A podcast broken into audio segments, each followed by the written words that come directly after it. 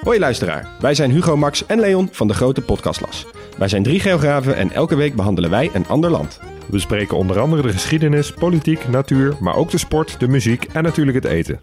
De nijlpaarden van Pablo Escobar, de vele bunkers van Albanië en het verschil tussen een sheik en een emir zijn zomaar wat voorbeelden die langskomen. Maar we bespreken ook de geopolitieke invloed van China in Afrika en de impact van het Europese kolonialisme. Luister dus wekelijks naar de audioversie van de Atlas, de Grote Podcastlas.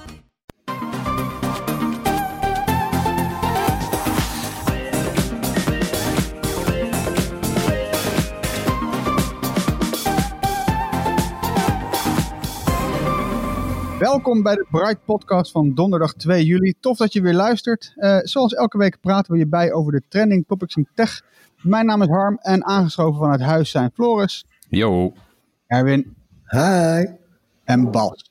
Hey. Er lijkt eindelijk beweging te komen. Facebook en Twitter liggen al weken en eigenlijk al jaren onder vuur omdat ze niet genoeg doen om haatberichten tegen te gaan op hun platform. Grote merken gooien de techbedrijven nu in de ban en geven geen geld meer uit aan advertenties op Facebook en Twitter.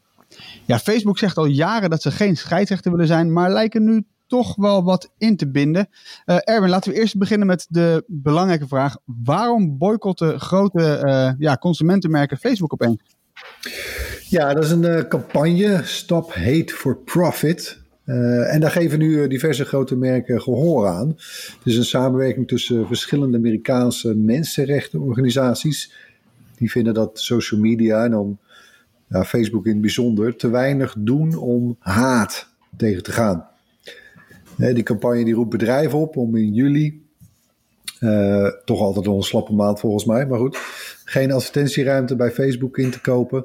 En op die manier ja, Facebook te dwingen eigenlijk uh, tot verandering.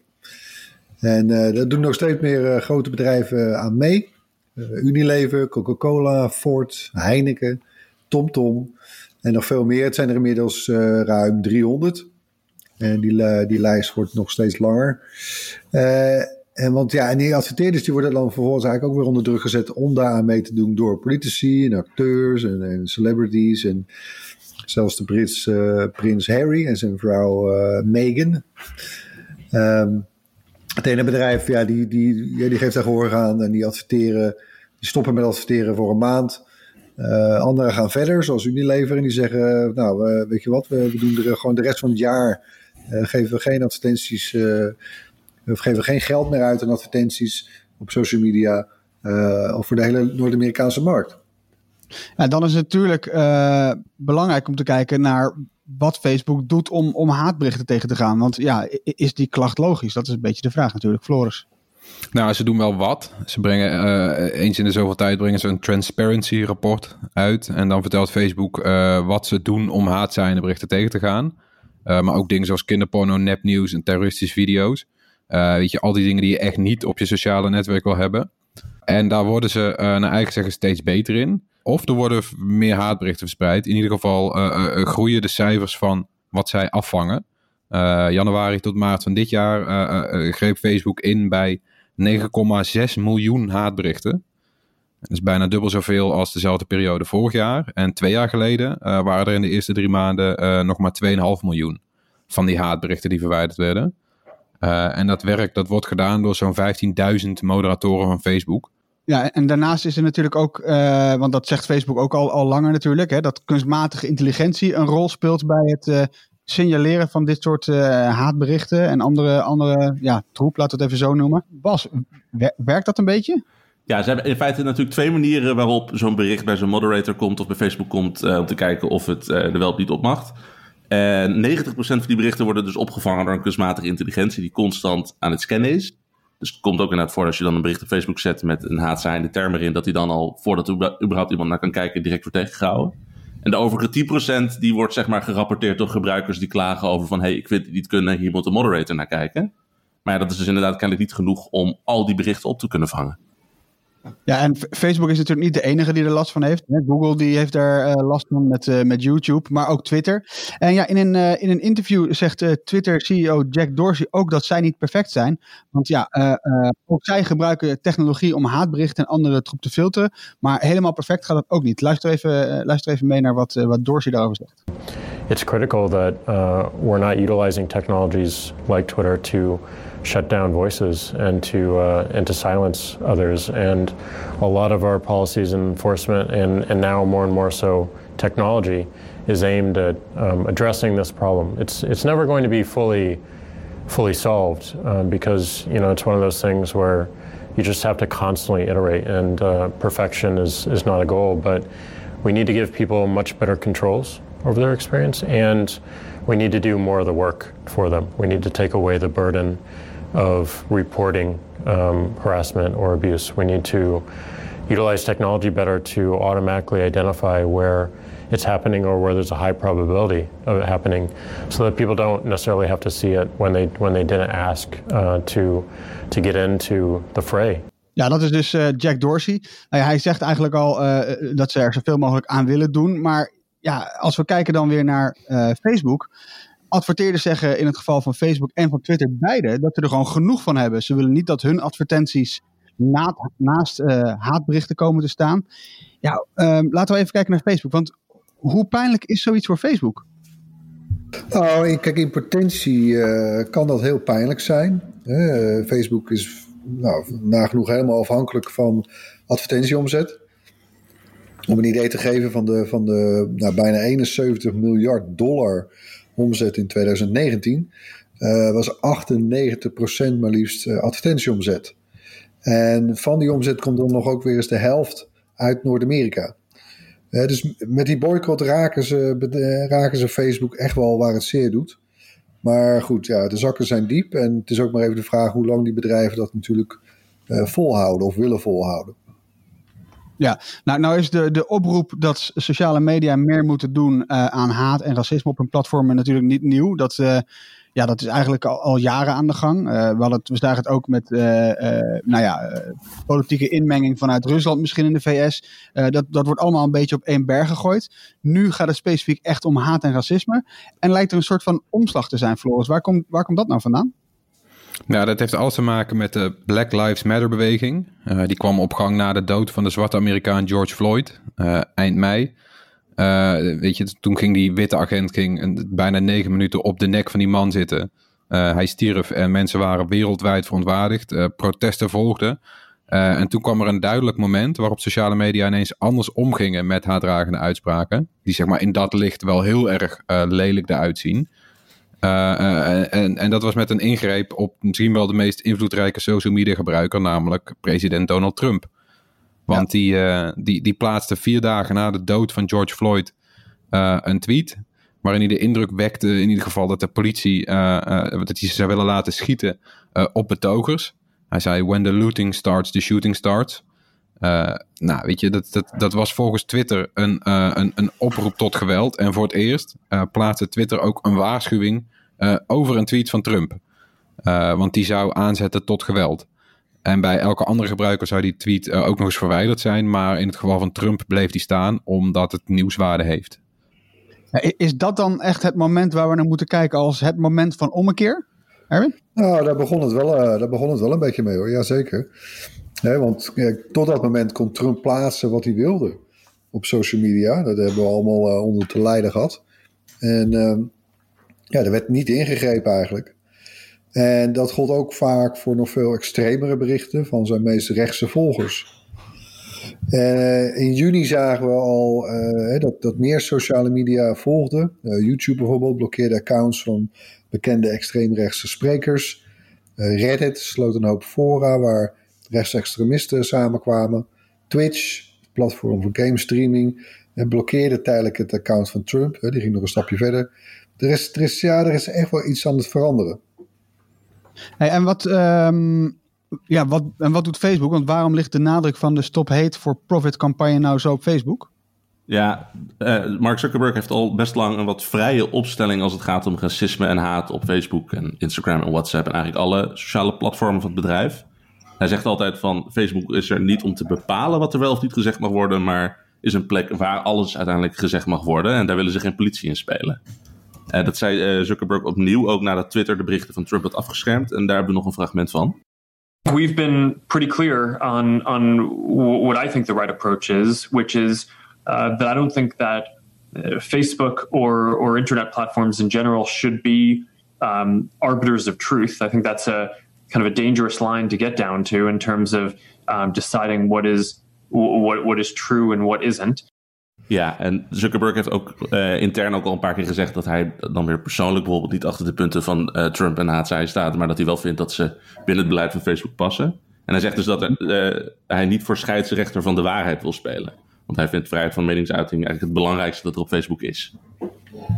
Ja, maar, maar tegelijkertijd heeft Facebook natuurlijk ook gewoon regels waar wij ons aan moeten houden. Een gebruiksvoorwaarden. En daar zit ook gewoon grenzen aan. Waar liggen die dan precies? Nou, die liggen volgens uh, Zuckerberg pas op het moment dat er directe oproepen tot geweld uh, komen. Daar hebben we ook een fragmentje van. No, of course, you know, we have, we have lines. Um, so, you know, just because we don't want to be determining what is true and false, um, you know, doesn't mean that um, that politicians or, or, anyone else can just say whatever they want. And, and our policies are grounded in right. trying to give people as much voice as possible while saying, if you're going to harm people in specific ways, or if you're going to do something that's going to cause violence, or um, if you're saying that something is a cure to a disease that has been proven to be a cure, but it's right. not, um, and that could lead people to um, either not seek a, an, another treatment or do something that could be harmful, um, we'll take that down no matter who says that. Ja, en, en dat voornemen, daar houdt Facebook zich ook echt netjes aan. Uh, deze week werden er nog honderden accounts verwijderd van een extreemrechtse groep die volgens Facebook oproept tot echt geweld. Maar je kan je ook afvragen of de houding van Facebook nog wel houdbaar is. Want nou ja, iets kan ook al heel kwalijk zijn zonder dat het een oproep tot direct geweld is. Uh, ja, ja. Tegelijkertijd zien we ook dat uh, Zuckerberg nou ja, in, indirect ook een beetje geraakt wordt door het, het, het, de boycott van die adverteerders. Want zijn persoonlijk vermogen, een paar dagen nadat de boycott begon, nam toen al af met 7 miljard dollar. En toch lijkt hij gewoon voet bij stuk te houden. Ja, nou, hij kan het leiden, denk ik. Er is net een interne vergadering van Facebook nog uitgelegd, uitgelekt. Hè? Daarin zegt eh, Zuckerberg dat Facebook zijn beleid niet gaat wijzigen, omdat een klein deel van de, een klein deel van de omzet wordt bedreigd. Zuckerberg verwacht dat de adverteerders uiteindelijk toch wel weer terug zullen komen. Uh, boeiend detail wel in dit verband, die vergadering, dat was op dezelfde dag dat Zuckerberg tegen de media zei voortaan strenger te gaan optreden. Dus ja, intern laat Zuckerberg dus een ander geluid horen dan aan de buitenwereld. En uh, ook dat is geen verrassing, denk ik. Dat heeft hij wel vaker last van. Maar goed, hij kan het zich permitteren en hij zit in een unieke positie. De meeste CEO's ja, die, die, die zouden niet op zo'n manier hun nek uitsteken. En die kunnen door een bestuursraad worden weggestemd, bijvoorbeeld. Nou, dat kan in zijn geval niet. Hij heeft ook de meeste stemmen in die raad. En nou, uh, de facto is eigenlijk zijn wil wet binnen het bedrijf. Ja, en, toch zie je dat nou ja, de ophef en wat er, wat er gaande is, voelt toch een beetje als nou ja, een, een omslagpunt, hè, zoals we net al een beetje zeiden. Los van hoe het, hoe het zich verder uitpakt en hoe Facebook gaat ingrijpen. Maar is dit nou het begin van een omslag in het beleid van Facebook? Nou ja, en niet alleen Facebook, maar ook andere sociale media. Zullen we even een rondje doen? Wat denken jullie? Uh, ik denk dat bij Facebook gaan we denk ik niet heel erg veel veranderingen zien. Bedoel, als je kijkt naar bijvoorbeeld hoe het ging toen uh, nepnieuws een heel groot ding bij hun was, daar hebben ze dus wel wat beleidsveranderingen mee gemaakt. En ze zijn wel wat gaan checken. Maar het grote probleem is uiteindelijk ook niet echt veranderd. En er was toen ook nog uiteindelijk alles nog een heel, uh, heel erg veel mogelijk. Ik denk dat de grootste verschillen eigenlijk bij andere bedrijven gaan zitten.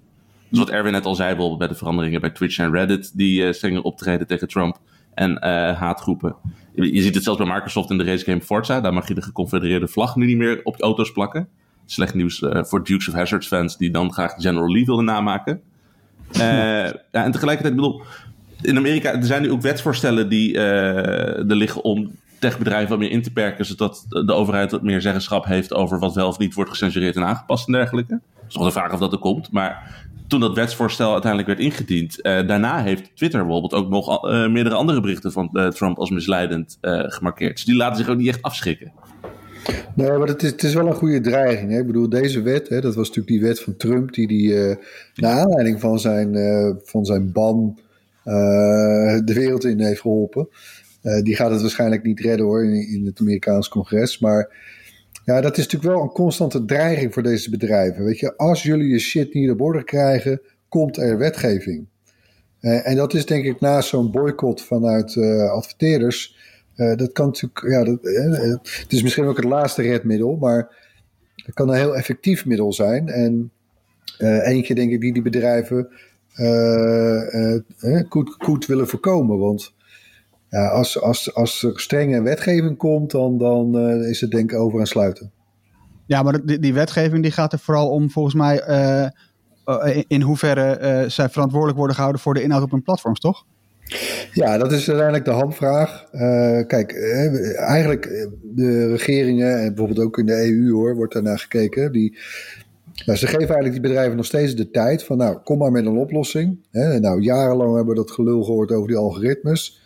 Nou, die, die, oké, die werken, maar ja, het is niet toereikend, verre van zelfs.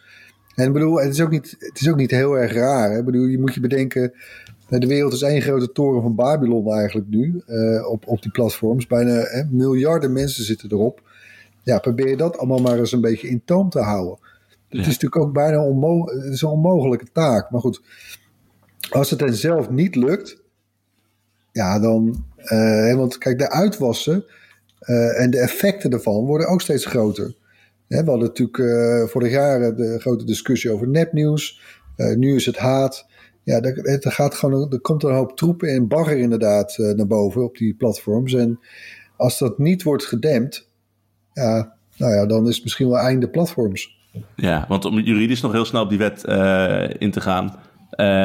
kijk, techbedrijven hebben in Amerika een soort van hele rare uitzondering in de wet. Het geldt ook wel voor een paar andere bedrijven, maar is voor techbedrijven het belangrijkst. Ja, uh, het komt er eigenlijk op neer dat als jij op uh, Facebook bijvoorbeeld een illegale film zou zetten, dan, uh, dat, dat, mag natuurlijk niet, dat is illegaal, maar dan is Facebook niet aansprakelijk omdat zij die film hosten, omdat een gebruiker dat heeft gedaan.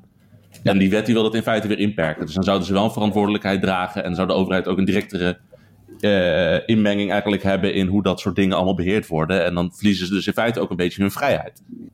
Ja, en dan is ook het hele functioneren van sociale media gaat dan stuk. Want nu kun je iets plaatsen en dan staat het meteen online als ze niet oppassen, dan krijg je straks een situatie waarbij dus alles van tevoren wordt gecheckt. Nou ja, en dan zijn sociale media zijn dan niet meer wat ze nu zijn. En daarom snap ik ook niet precies dat Facebook bijvoorbeeld niet uh, uh, zelf al veel meer stappen zet. Want als jij zelf stappen zet, dan hou je regulering misschien juist een beetje af. Terwijl, en, en dat wil je ook echt voorkomen. Want als het eenmaal zover is, dan draai je dat ook niet snel meer terug. Maar heeft, heeft uh, wat, wat Zuckerberg dus intern zegt, is nou ja, die adverteerders komen wel, komen wel weer terug. Floris, heeft hij daar een punt, denk je? Nou, ik, ik denk het eigenlijk wel. Want Facebook is en blijft de grootste. Die heeft de meeste mensen, miljarden mensen zitten op Facebook en op Instagram.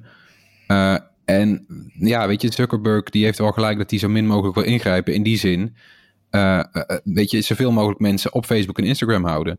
Hij weet hoe groot elke groep is. En als hij die verliest, als hij een bepaald geluid aanpakt, dan kost hem dat waarschijnlijk meer geld dan dat hij nu toegeeft aan, uh, aan die adverteerders. Uh, ja, dus, dus dat, dat, is eigenlijk heel gecalculeerd, zeg je? Ja, ik denk, ik denk het wel. Dus als hij, ja, weet je, als hij, als hij het, ja, hij pakt het niet aan, maar hij gaat het een beetje verstoppen. Uh, weet je wel, dat, dat zien we nu al lang, dat bijvoorbeeld dingen wel blijven staan, maar dan worden ze bijvoorbeeld, komen ze niet in zoekresultaten naar boven. Of weet je wel, hele rechtse dingen, die laten ze gewoon niet aan linkse mensen zien. Dus dan, weet je wel, dan is het probleem uh, wat Facebook betreft ook weggenomen. Dus hij laat een soort bubbels ontstaan binnen Facebook. Uh, want uiteindelijk verdient, het geld, verdient Facebook geld met advertenties. En hoe meer mensen die zien, hoe beter. Weet je, het is helemaal niet in Zuckerberg zijn voordeel om een hele groep mensen vanwege hun mening eigenlijk buitenspel te zetten. zolang ze maar geen slaande ruzie krijgen en zolang adverteerders maar niet al te ontevreden zijn. Nou, weet je, dan, dan is het wat, wat Zuckerberg dat denkt. Kan, dat kan een hele effectieve methode zijn hoor. Dat je die, uh, dat je die, uh, die raddraaiers, om een mooi Nederlands woord te gebruiken, eigenlijk een soort reservaat zet. Ja. Hè, waarin ze eigenlijk alleen maar met elkaar communiceren. En nauwelijks met, uh, met mensen daarbuiten. En dat kan heel effectief werken, volgens mij. Ja, en, en een extra puntje wat ik ook nog wil maken is dat veel van die grote adverteerders, die kunnen het zich permitteren om nu af te haken. Uh, maar er zijn al wat cijfers naar boven gekomen dat die 300 bedrijven op die lijst die nu afhaken, dat zijn helemaal niet de grootste uh, uh, geldschieters van Facebook. dat zijn namelijk een hoop kleinere bedrijven die zich het niet kunnen permitteren om op andere plekken te adverteren. Dus die moeten wel bij Facebook zijn. En dat weet Facebook ook. Ja, dat is wat Zuckerberg ook zelf vaak zegt. Hè, dat juist MKB'ers zo ontzettend belangrijk zijn voor, voor Facebook, voor, qua advertentieomzet. Uh, maar dan is natuurlijk wel de vraag, als die beweging zeg maar breder wordt en, en aan uh, populariteit wint tussen haakjes. en ook de MKB'ers onder druk worden gezet om niet te adverteren. Ja, dan kan het wel echt veel meer pijn gaan doen, toch? Ja, maar ik denk dat die MKB'ers daarmee zichzelf harder raken dan bijvoorbeeld zo'n zo'n groot bedrijf is Unilever. Want Unilever die kan op allerlei plekken adverteren. Weet je wel, in bushokjes, in, uh, op tv-advertenties. Dure campagnes. En dat kunnen al die kleine adverteerders kunnen dat niet. Maar die dragen met z'n allen met een klein budget wel bij aan een hele grote berg geld voor Facebook. Ja, nou mijn, uh, mijn slotargument. Uh, ik denk, kijk, als je het helemaal, als je deze ui een soort helemaal afpelt. ik denk toch dat ik het nou ja, het, het, klinkt weird, maar eens ben met Zuckerberg dat de platforms uh, niet verantwoordelijk moeten zijn voor de inhoud die gebruikers van het platform erop zetten. Ik denk dat het. Eh, anders werkt het gewoon niet. Weet je, dan, dan, anders hebben we dus geen sociale media. En het is eh, in die zin, ja, het is ook een beetje een, een harde spiegel voor onszelf. Elk tijdperk krijgt de media die het verdient, kun je zeggen. En ja, blijkbaar in deze tijd van angst en haat krijgen we dus media en sociale media gevuld met angst en haat. Uh, dus ja, misschien in plaats van eigenlijk ook alleen maar.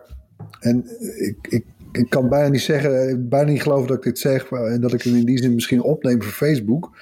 Ik heb een, een hardgrondige hekel aan dat bedrijf. Maar uh, ja, moeten we denk ik uh, misschien wat minder het vingertje wijzen. En uh, wat meer naar onszelf kijken. Ja, het is weer tijd voor het hoorspel. We laten elke week een tech-geluid horen en we gaan meteen naar het geluid van vorige week. Ja, wat uh, was het voor geluid, Floris? Ja, dat was het uh, geluidje Sosumi, een van de standaard waarschuwingsgeluiden in macOS. En het geluidje kent een leuk achtergrondverhaal, want het werd eind jaren 80 door Apple sound designer Jim Reeks gemaakt. Hij wilde het geluidje eigenlijk xylofoon noemen. Xylofoon. Uh, maar dat mocht niet. Uh, waarom niet? Apple Computer heette het toen nog. Uh, werd in die tijd aangeklaagd door de Beatles. Want het platenlabel van de Beatles heette Apple. En Steve Jobs, zelf groot Beatle-fan, had beloofd dat Apple niks met muziek zou gaan doen. Dus dat weet je wel, dat het echt helemaal los ervan staan. En dat was zo dichtgetimmerd dat Apple zelfs een verwijzing naar een muziekinstrument niet aandurfde. Uh, nou, dat vond die sounddesigner belachelijk, uh, Jim Reeks. Dus die heeft voor deze naam gekozen. Uh, en het is leuk, want als je hem leest, lijkt het een Japans woord. Hij heeft het ook doorgefaxt toen aan de, aan de, aan de mensen van Apple van zo heet het geluidje. maar spreek het uit en dan staat eigenlijk so sue. Klaag me maar aan. En niemand had dat geintje toen door. Het geluid kwam in macOS en de rest is, is geschiedenis. Staat er nog steeds in. maar hebben we... Wat een ja. briljant verhaal. Ik kende dit verhaal niet. Maar uh, is het geluid geraden? Ja, want uh, verschillende luisteraars die kennen ook dit verhaal. Uh, waaronder Midas Hofstra. Dus gefeliciteerd Midas, dat epische Bright t-shirt komt jouw kant op. Ja, en dan hebben we natuurlijk ook een nieuw geluidje meegenomen. En dat is deze. Ja, kort en krachtig. Nog één keer. Nou, als je nou denkt dat je weet wat dat nou weer voor geluid was, stuur dan je antwoord naar podcast.bright.nl. En onder de mensen die het juiste antwoord insturen, verloten we natuurlijk weer dat gewilde Bright T-shirt. Um, maar dan, voordat we dat doen, Erwin, um, het is waarschijnlijk wel eventjes voordat we die winnaar kunnen uitkiezen, toch? Ja, want we hebben hierna, uh, we zullen dat aan het eind van deze uitzending nog even herhalen hoor, maar uh, uh, ja, we hebben een zomerstop in de maand juli. Ook wij uh, moeten een keer uh, even met, met de voet in het water en, en, en even, even offline. dus we zijn weer terug in augustus. Maar stuur gerust in. Hè, we, dat komt echt wel goed. Oké. Ja, dan nog even een nieuwtje waar we toch even bij stil willen staan. Want uh, het gerucht dat de volgende iPhone wordt geleverd door Apple zonder oplader en zonder oordoppen. Ja, dat zou nogal een trendbreuk zijn. En dan zeg ik het heel zachtjes. Dan is even de vraag, hoe welkom is dat? Floris? Nou, het, een van de redenen die genoemd wordt in het gerucht is een kostenbesparing. Want de nieuwe iPhones die worden uh, iets duurder omdat er 5G in zit. Uh, nou ja, als je dan die, die, die meuk uit een doosje haalt, oordopjes en, uh, en een oplader, dan blijft het toestel even duur als de toestellen nu zijn. En dat, dat zou Apple fijn vinden, want anders dan is, dan denken de mensen ah, alweer duurder. Dus dat zou dan een, een reden zijn om, om, om die dingen eruit te schrappen, zodat Apple voor evenveel geld en evenveel marge zijn iPhones kan verkopen. Ja, dat, uh, ja, dat zal allemaal prima. Uh, de, maar het is natuurlijk ook, het, zou, het is ook vooral beter voor het milieu natuurlijk. Al onze gadgets worden standaard geleverd met oplaadkabels en lichtnetadapters. En dat zijn jaarlijks tonnen en tonnen aan e-waste.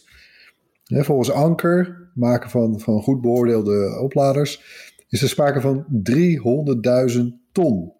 Uh, afval dat wordt veroorzaakt door bijgeleverde laders die niet gebruikt worden. Uh, er komt nog bij dat ook uh, de verpakking dan kleiner kan. En dat scheelt natuurlijk weer bij de verpakking ook het transport dan van iPhones. En, en dat vind ik dan inhoudelijk nog wel de leukste. het zou ook kunnen vooruitwijzen naar de komst van de poortloze iPhone. Die wordt trouwens niet dit jaar verwacht hoor, maar waarmee je dus die alleen maar draadloos kunt opladen. En ja, en de reguliere oplader dus niet eens meer nodig zou zijn. Ja, maar uh, dat zou wel het, meest, tenminste in, in mijn ogen klinkt de portloze iPhone als de meest Apple iPhone die je maar kunt hebben, toch? Gewoon zo min mogelijk poespas, duidelijk, uh, gewoon een duidelijke, uh, duidelijk ding eigenlijk, toch? Ja, maar goed, ja, die is er nog niet. Hè. Die wordt op zijn vroegst pas volgend jaar verwacht. Nee, kijk, het gaat nu gewoon om om, om die miljoenen en miljoenen smartphones en iPhones. En, en, maar het is natuurlijk een beetje gek. Het is wel een beetje een splijtswam hoor, dit, dit punt. Want uh, aan de ene kant kun je zeggen, en terecht, uh, dat ja, je koopt dan eigenlijk een product dat je maar één keer kan gebruiken. Want als die leeg is, ja, kan ik hem niet opladen. Althans, hè, op papier. Want je hebt waarschijnlijk wel ergens een oplader, maar, maar toch, het gaat om een principe. Uh, ik bedoel, dat, dat punt geldt natuurlijk niet voor oordoppen. Maar een oplader ja, is wel essentieel. Dat, dat heb, je, heb je echt nodig voor de werking van het product. Ja, ja er, zit, er zit natuurlijk wel wat in. Uh, aan de andere kant, het is ook niet gek. Uh, als je bijvoorbeeld naar camera's kijkt, die, die DSLR's, die kun je bijvoorbeeld kopen als body, zonder lens, of als kit, met een kit lens. En daar kun je ook zeggen, ja, ja een camera zonder lens, die, dat werkt het ook niet. Daar heb je niks aan. Nee, maar ook daar weet heb je het gegeven dat er, hè, of de praktijk, dat een heleboel mensen hebben dan al lenzen. En, uh, en die lenzen gaan, gaan, kunnen heel lang mee. En, en daarom worden er lensloze camera's verkocht. En in dit verband kun je dat prima, uh, datzelfde argument dan neerleggen op, op de, op de techmarkt. Want ik durf te zweren dat iedereen wel nou, minstens één oplader al die goed werkt en nog heel is, nog in huis heeft. Ja, en of dat dan nou micro-USB is of inmiddels USB-C of in het geval van Apple Lightning. Dus ja, en maar goed, en misschien wordt het gewoon wel optioneel. Of misschien dat ze dan alleen een kabeltje doen en niet de lichtnetadapter. Dat zijn ook nog, natuurlijk nog, nog, nog tussensmaken die mogelijk zijn. Maar vind, je niet dat als je, want eventjes, hè, je, je geeft uh, 1000 plus euro uit voor een, voor een nieuwe iPhone. Vind je niet dat daar gewoon een oplader bij hoort? Ik, ik, ik vind oprecht, als je dit zou doen, ik, ik, ik, ik vind het schandalig. Dat meen ik echt. 1000 euro plus en dan krijg ik geen oplader. Ik, ik ben wel zeg maar vatbaar voor het argument van we gaan afval besparen, dat begrijp ik. Maar kom op man, een oplader, waar hebben we het over? Nou, maar goed, misschien, uh, misschien wordt het optioneel. Kijk, ik vind, uh, ja, ik snap, ik snap je verontwaardiging wel. En ik, ik ben niet ongevoelig ook voor dat punt. Maar zeker voor zo, dat soort prijzen. Maar ja, aan de andere kant, weet je, ik bedoel, de, de e-waste stapelt zich op. En uh, uitgerekend Apple, hè, die natuurlijk wel vaker een soort trendsetter is met, uh, met dit soort ingrepen. als, zij, als zij dit gaan doen, nou, heb je ook nog best kans dat dat navolging gaat krijgen. En dat Samsung het ook gaat doen. En, de Chinezen. En, en dat gaat echt een hele grote slok op een borrel schelen voor het milieu. Ja, en je hebt natuurlijk ook al dat hele ding met, met dat de EU al jaren wil dat er één standaard komt uh, wat betreft aansluitingen. Dus in dit geval USB-C. Apple doet met USB-C nog niet helemaal mee, maar de insteek van die ene standaard is aan de ene kant dat mensen, weet je wel, niet honderdduizend snoertjes hoeven hebben, maar ook dat je niet overal zo'n snoertje bij hoeft te leveren, omdat we er allemaal toch al eentje hebben. Uh, dus ik kan me best voorstellen dat dit een soort van Apple's compromis is van, nou weet je, we gaan niet meteen al uh, Lightning verwisselen voor USB-C, maar we leveren ook geen ladertje meer mee. Dus dan is in ieder geval dat milieuaspect is gedekt. En daar ja. vind ik ook echt wel heel veel voor te zeggen. Uh, weet je wel, laten we wel wezen, als ik nu door mijn huis kijk, ik, ik, ben, ik, ik zit in het Apple-kamp en koop veel Apple-spullen. Ik heb zoveel Lightning-kabels, daar word je eng van. Ik, heb, ik, ik, ik kan jaren vooruit. Ik heb er ook nog heel veel die echt nog in de verpakking zitten omdat ik ze gewoon niet nodig heb. Ik heb er al genoeg. Ze gaan niet zo snel stuk bij mij. Uh, en, uh, dit is ook wel een boeiende. Bij de nieuwste iPhone zaten voor de afgelopen iPhone, iPhone 11 Pro, zat voor het eerst een snellere oplader bij. Dus je hebt jarenlang dat standaard 5 watt blokje. en bij de 11 watt, iPhone 11 Pro zat een, een, een, blokje met drie keer zoveel volgens mij. nou ja, die was duurder. Dus die zat niet bij de normale iPhone 11, maar wel bij de 11 Pro. Ook een beetje vreemd dat je denkt van ja, weet je, die, die, die normale 11 kan er wel gebruik van maken, maar dan zit hij er niet bij. Ik kan me best voorstellen dat ze nu bijvoorbeeld een tegoedbon of zo erbij stoppen. Dat, dat, dat, las ik ook al ergens geopperd worden. En dat ze zeggen van nou kies zelf maar of je nog een laadblokje nodig hebt.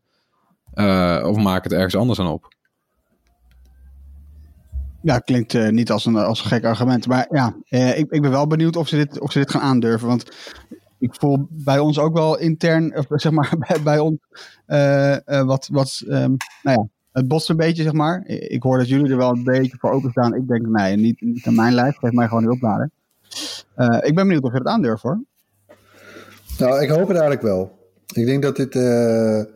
Ja, we moeten wel iets gaan doen. Weet je, ik bedoel, de één effect van het. Van, uh, van, van de prijsstijging eigenlijk van smartphones, uh, althans van de premium smartphones, um, is dat mensen er alsmaar langer mee doen. Uh, de, de, de, de smartphones zijn tegenwoordig heel erg goed, gaan steeds langer mee, worden ook steeds langer ondersteund. nou, in ieder geval zeker bij Apple. en daardoor worden, worden het, het helpt als niet iedereen elk jaar een nieuwe telefoon wil. Of ja, willen, maar in ieder geval niet elk jaar een nieuwe telefoon koopt. En, en dit zou weer een maatregel zijn die, die, die de e-waste kan temperen. Dus dat, ja, ik ben helemaal voor. Oké, okay, Bas, ehm, wat vind jij? Ja, ik denk dat. er is denk ik een hoop voor te zeggen, maar ik denk dat het vooral. Ik denk dat de klap het minst hard voor mensen is als Apple op zijn minst ook naar USB-C gaat met een nieuwe iPhone als je inderdaad nu. Ik, ik, heb, ik heb in mijn eigen huis bijvoorbeeld echt duizenden eh, USB-C-kabels nu liggen, omdat ieder apparaat het zo'n beetje gebruikt. Maar qua iPhone-kabels heb ik er nog maar één of twee op zich in huis liggen. En dan stapt Apple ook nog eens een keer vaak over naar USB-C naar Lightning of USB-A naar Lightning. En ik denk dat die puzzel nog wel heel veel gedoe is om een beetje goed te krijgen.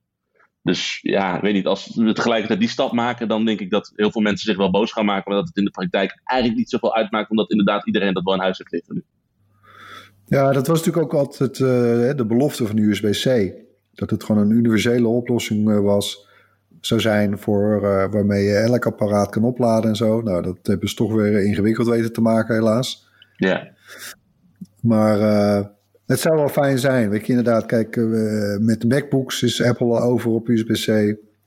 Met de iPads, in ieder geval de iPad Pro. misschien dat dat nog wel gebeurt, hè? dat de iPhone Pro, de iPhone 12 Pro. Hè, want er gaan daar vanuit vier, uh, vier versies komen van de volgende generatie.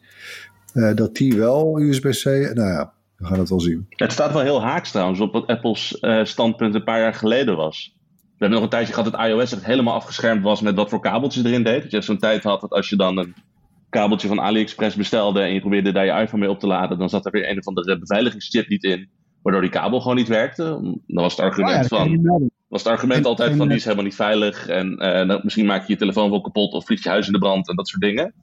En dan zouden ze nu opeens op een punt zitten van, ah joh, zie maar welke kabel je gebruikt, mij maakt het ook allemaal niet uit. Maar dan even iets anders hè. Als je nou een iPhone zonder oordoppen gaat meeleveren, dat is toch een, dat, is, dat, dat zou toch ook gewoon best wel, nou ja, op zijn minst een trendbreuk zijn. Ik kan me nog herinneren dat ik mijn eerste iPod kocht. En nou, daar, daar zat, zeg maar, uh, je oordopjes bij. En die iPhone is uiteindelijk gewoon een doorontwikkelde iPod. Dus ik sla hem even heel plat. Als je dat, diezelfde iPhone nou gaat krijgen zonder oordoppen, dat is toch ook wel uh, is toch ook bizar eigenlijk? Ja, maar te bedoel, het is toch minder essentieel dan kunnen opladen. Ja. En uh, weet je, ik bedoel, nou, oordoppen, en wat, wat Floris net ook al zei, weet je, dat hij uh, nog zelfs ongeopende lightning kabels uh, in doosjes hebt liggen. Nou, ik durf te wedden dat dat in het geval van oordoppen nog erger is. en dan ook nog daarbij uh, in beschouwing nemen dat de draadloze koptelefoons, draadloze oordoppen, de AirPods voorop, die, die, die zijn redelijk populair, zijn niet aan te slepen. Nee, ik, ik denk dat dat, voor, voor mijn gevoel dat, doet dat toch echt minder zeer. Ik wil, ik wil überhaupt geen, geen dra, uh, oordoppen met draad nog, eigenlijk. Dus, nee. ik denk wel dat een specifieker, ik denk wel dat het een specifieke product is wat mensen wel of niet in huis hebben. En dan kom je trouwens ook weer andersom, andersom bij de hele switch naar of ze nou wel of niet naar USB-C gaan. Want als oude iPhone gebruikers hebben misschien nog heel veel Lightning oordopjes liggen die ze nooit gebruikt hebben. Uh, maar als het naar USB-C gaat, die hebben dan weer niet die oordoppen liggen. En misschien heb je die ook wel niet van je vorige Android-telefoon. Eigenlijk moeten ze gewoon de koptelefoonport terugbrengen. dan heb je dat hele probleem opgelost. Nou, dat gaat niet gebeuren, denk ik. nee, echt nooit. Ja, ter afsluiting hebben we dan natuurlijk nog wat tips. En uh, ik ga beginnen. Um, ik heb. Uh, ja, ja, ja. nou ja, oké, okay, dan niet. Erwin, begin jij ook maar. Hè? Oh, oké. Okay. Nou, ook, leuk, ook een keer leuk, Harm, dank je. Heel fijn. Uh, mijn tip voor deze week is de Bright Summer Camp. Yay! We hebben een, uh, we hebben een soort zomerspecial gemaakt voor op ons YouTube-kanaal. Een serie uh, video's. Uh, allemaal gerelateerd aan reizen, vakanties, staycations, noem maar op. We zijn daarvoor afgereisd met liefst vier presentatoren. Marijn, Bram, David en ik. naar camping Zeeburg in Amsterdam. Ja, ja. Het, was toen, het was toen net bloedheet, hè, vorige week was dat. En we hebben daar een, een, een reeks, video's op, uh, reeks video's opgenomen. Hartstikke leuk. De eerste staat inmiddels online. we zullen er waarschijnlijk elke week wel één of twee doen. in ieder geval, we verspreiden ze over de hele maand juli. Speciaal voor de zomermaand natuurlijk. ga dat zien en abonneer je op ons kanaal natuurlijk. En voeg je bij Team Belletje. Dat is Oké, nou dan ga ik nu toch. Ik kan nu niet meer wachten. Um, ik heb eigenlijk twee tips. Um, Strava, kennen jullie, toch? Zeker. Natuurlijk. Voor degene, dit is mijn tip namelijk, want Strava, nou ik ben dus sinds een tijdje, als je vaker naar de Bright Podcast luistert, heb je dat waarschijnlijk al meegekregen. Ik ben nu wat fanatieker aan het uh, sporten en ik kom nu achter het bestaan van super chille apps als Strava en Com uh, Komoot. Ik hoop dat ik het goed zeg, Commute, Komoot. Um, en deze twee apps uh, kun je eigenlijk heel goed gebruiken om routes te maken waar je kunt hardlopen of fietsen. En uh, ze doen allebei een soort van hetzelfde en ook weer net niet. Maar wat je dus kunt doen is, je, ik, ik word namelijk heel erg moe van dat ik de hele tijd diezelfde uh, routes aan het fietsen ben. en ja, je wil dus wat nieuws ontdekken. Nou, daar zijn dus Strava en Komoot kun je daar dus voor gebruiken. Wat Strava bijvoorbeeld doet is, je zegt van nou, ik wil in mijn omgeving een route fietsen van zeg eventjes 30 tot 50 of 80 kilometer. En die maakt dan een rondje voor je op basis van populaire fietsroutes van andere gebruikers. Uh, en zo kun je dus eigenlijk iedere, uh, iedere keer toch iets anders zien van de omgeving redelijk dicht in de buurt van je huis. Maar ook als je dus gaat fietsen van, nou ja, bijvoorbeeld van A naar B en niet per se een rondje. Maar ik ben afgelopen week van Hilversum naar mijn huis gefietst. En dan zeg je dus van nou, ik wil dus van A naar B. En dan kies je dus ook weer die routes. Maar je kunt dus ook ehm, daarbij dus rekening houden met wat dus andere gebruikers doen. Dus als je denkt van nou, ik wil eigenlijk via de Veluwe en daar een supermooie route zien, dan kan het ook op basis van die adviezen van een van deze twee apps. Uh, Strava doet dat uh, goed en Commute doet het ook goed. Ze zijn allebei in den beginnen gratis. Het grote verschil is dat Strava eigenlijk meer een soort van social media platform is voor sportieve mensen, zeg ik dan maar even. En Commute is dus heel specifiek gericht op, nou ja, het is gewoon een, een routeboek basically, waar je kunt bekijken wat populaire routes zijn, maar ook hele mooie dingen om te bekijken tijdens je route. Nou, die twee tips, gratis apps. Uh, als je ze wat uitgebreider wil gebruiken, dan moet je wel gaan betalen. En dat verschilt een beetje. Commute is geloof ik 5 euro en Strava is 10 euro per maand. Lang verhaal, maar wel heel nuttige tips. Zeker. Ik heb meegeschreven. heb je meegegeven? Oké. Zeker weten. Maar uh, show notes kun je gewoon even nalezen, Bas. Hartstikke handig. Oh, handig. Ja. Wat heb jij meegenomen, Bas? Uh, nou, ik heb de afgelopen weken, heb ik, en ik mocht daar deze week eigenlijk wat over schrijven. Daar staat ook een hands-on uh, opbright van. Uh, mocht ik aan de slag met de Ziggo Go app voor Apple TV, maar die is ook voor Android TV en Fire TV. En wil heel cru gezegd, wil, ik denk dat de meeste van ons al een enkel hebben aan zo'n standaard mediabox, waar je provider onder je televisie waar je tv mee kan kijken. Dit zorgt er eigenlijk voor dat je dus op een moderner platform zoals een Apple TV kunt doen en dat je ja, vind dat zelf altijd heel fijn, want ik krijg heel erg OCD van het idee dat ik al mijn televisiedingen graag op één apparaatje zou willen en niet constant bij HDMI switchen. Uh, maar het is eigenlijk gewoon precies de mediabox, maar dan ja, op je Apple TV uh, of op je andere apparaat. Er zijn wel een paar mitsen en maren op het moment nog bij. De resolutie is niet echt zo hoog als je bij een uh, gewone mediabox zou hebben. En nou, je merkt dat ze hebben met de interface heel erg geprobeerd om het te laten lijken op de mediabox, waardoor het totaal niet native aanvoelt op de platform waar het op is. Dat lees je allemaal in de hands-on hands erover. Uh, maar vooropgesteld ben ik gewoon heel erg blij dat dit bestaat. Zodat je niet meer, zodat je gewoon lekker op het apparaat waar je ook wel Netflix op kijkt en dergelijke, ook gewoon je ouderwetse tv-zenders kunt kijken. Oké. Okay. Floris. Ja, ik heb, uh, om, om maar voor te beduren op uh, tv kijken, heb ik weer een, een, een, film dit keer. Of althans een hele bijzondere. het is namelijk Hamilton, een, een musical. die heeft jarenlang met heel veel succes... Op, ja, een, mu een musical. Uh, die heeft jarenlang met veel succes op Broadway gestaan. Ja, je kon er bijna geen kaartjes voor krijgen. Mensen keken hem tot nu toe, weet je wel, filmpjes die opgenomen waren op telefoons. Uh, en toen kwam Disney, eigenaar van die musical, kwam met het nieuws dat het een grote bioscoopfilm zou worden. Maar ja, toen kwam corona. dus nu hebben ze zeg maar de integraal opgenomen versie van die musical. die komt morgen op vrijdag 3 juli op Disney Plus. Uh, en het is een uh, verhaal over uh, Alexander Hamilton, een van de founding fathers van Amerika. alleen het wordt verteld op, op, op, een hele moderne manier met, met hip-hop en RB en met acteurs van allerlei kleuren. en het is wel een heel boeiend verhaal over ook, weet je wel, de manier waarop slavernij was verweven met de oprichting van Amerika. Allemaal onbekende dingen die je, die je helemaal niet weet hoe het zit. Dat wordt op een hele nou ja, boeiende en muzikale manier wordt het dan verteld. Nou, goede tips. Ja. Uh, Disney Plus dus, daar is op te kijken. Uh, daar zijn we aan het eind gekomen. En dat is dus ook het einde voor de nou ja, zomerstop, toch, Erwin? Ja, we gaan nu uh, we gaan op vakantie. en, en zijn in augustus weer terug. Nou, top. tot augustus moet je het dus even doen zonder ons.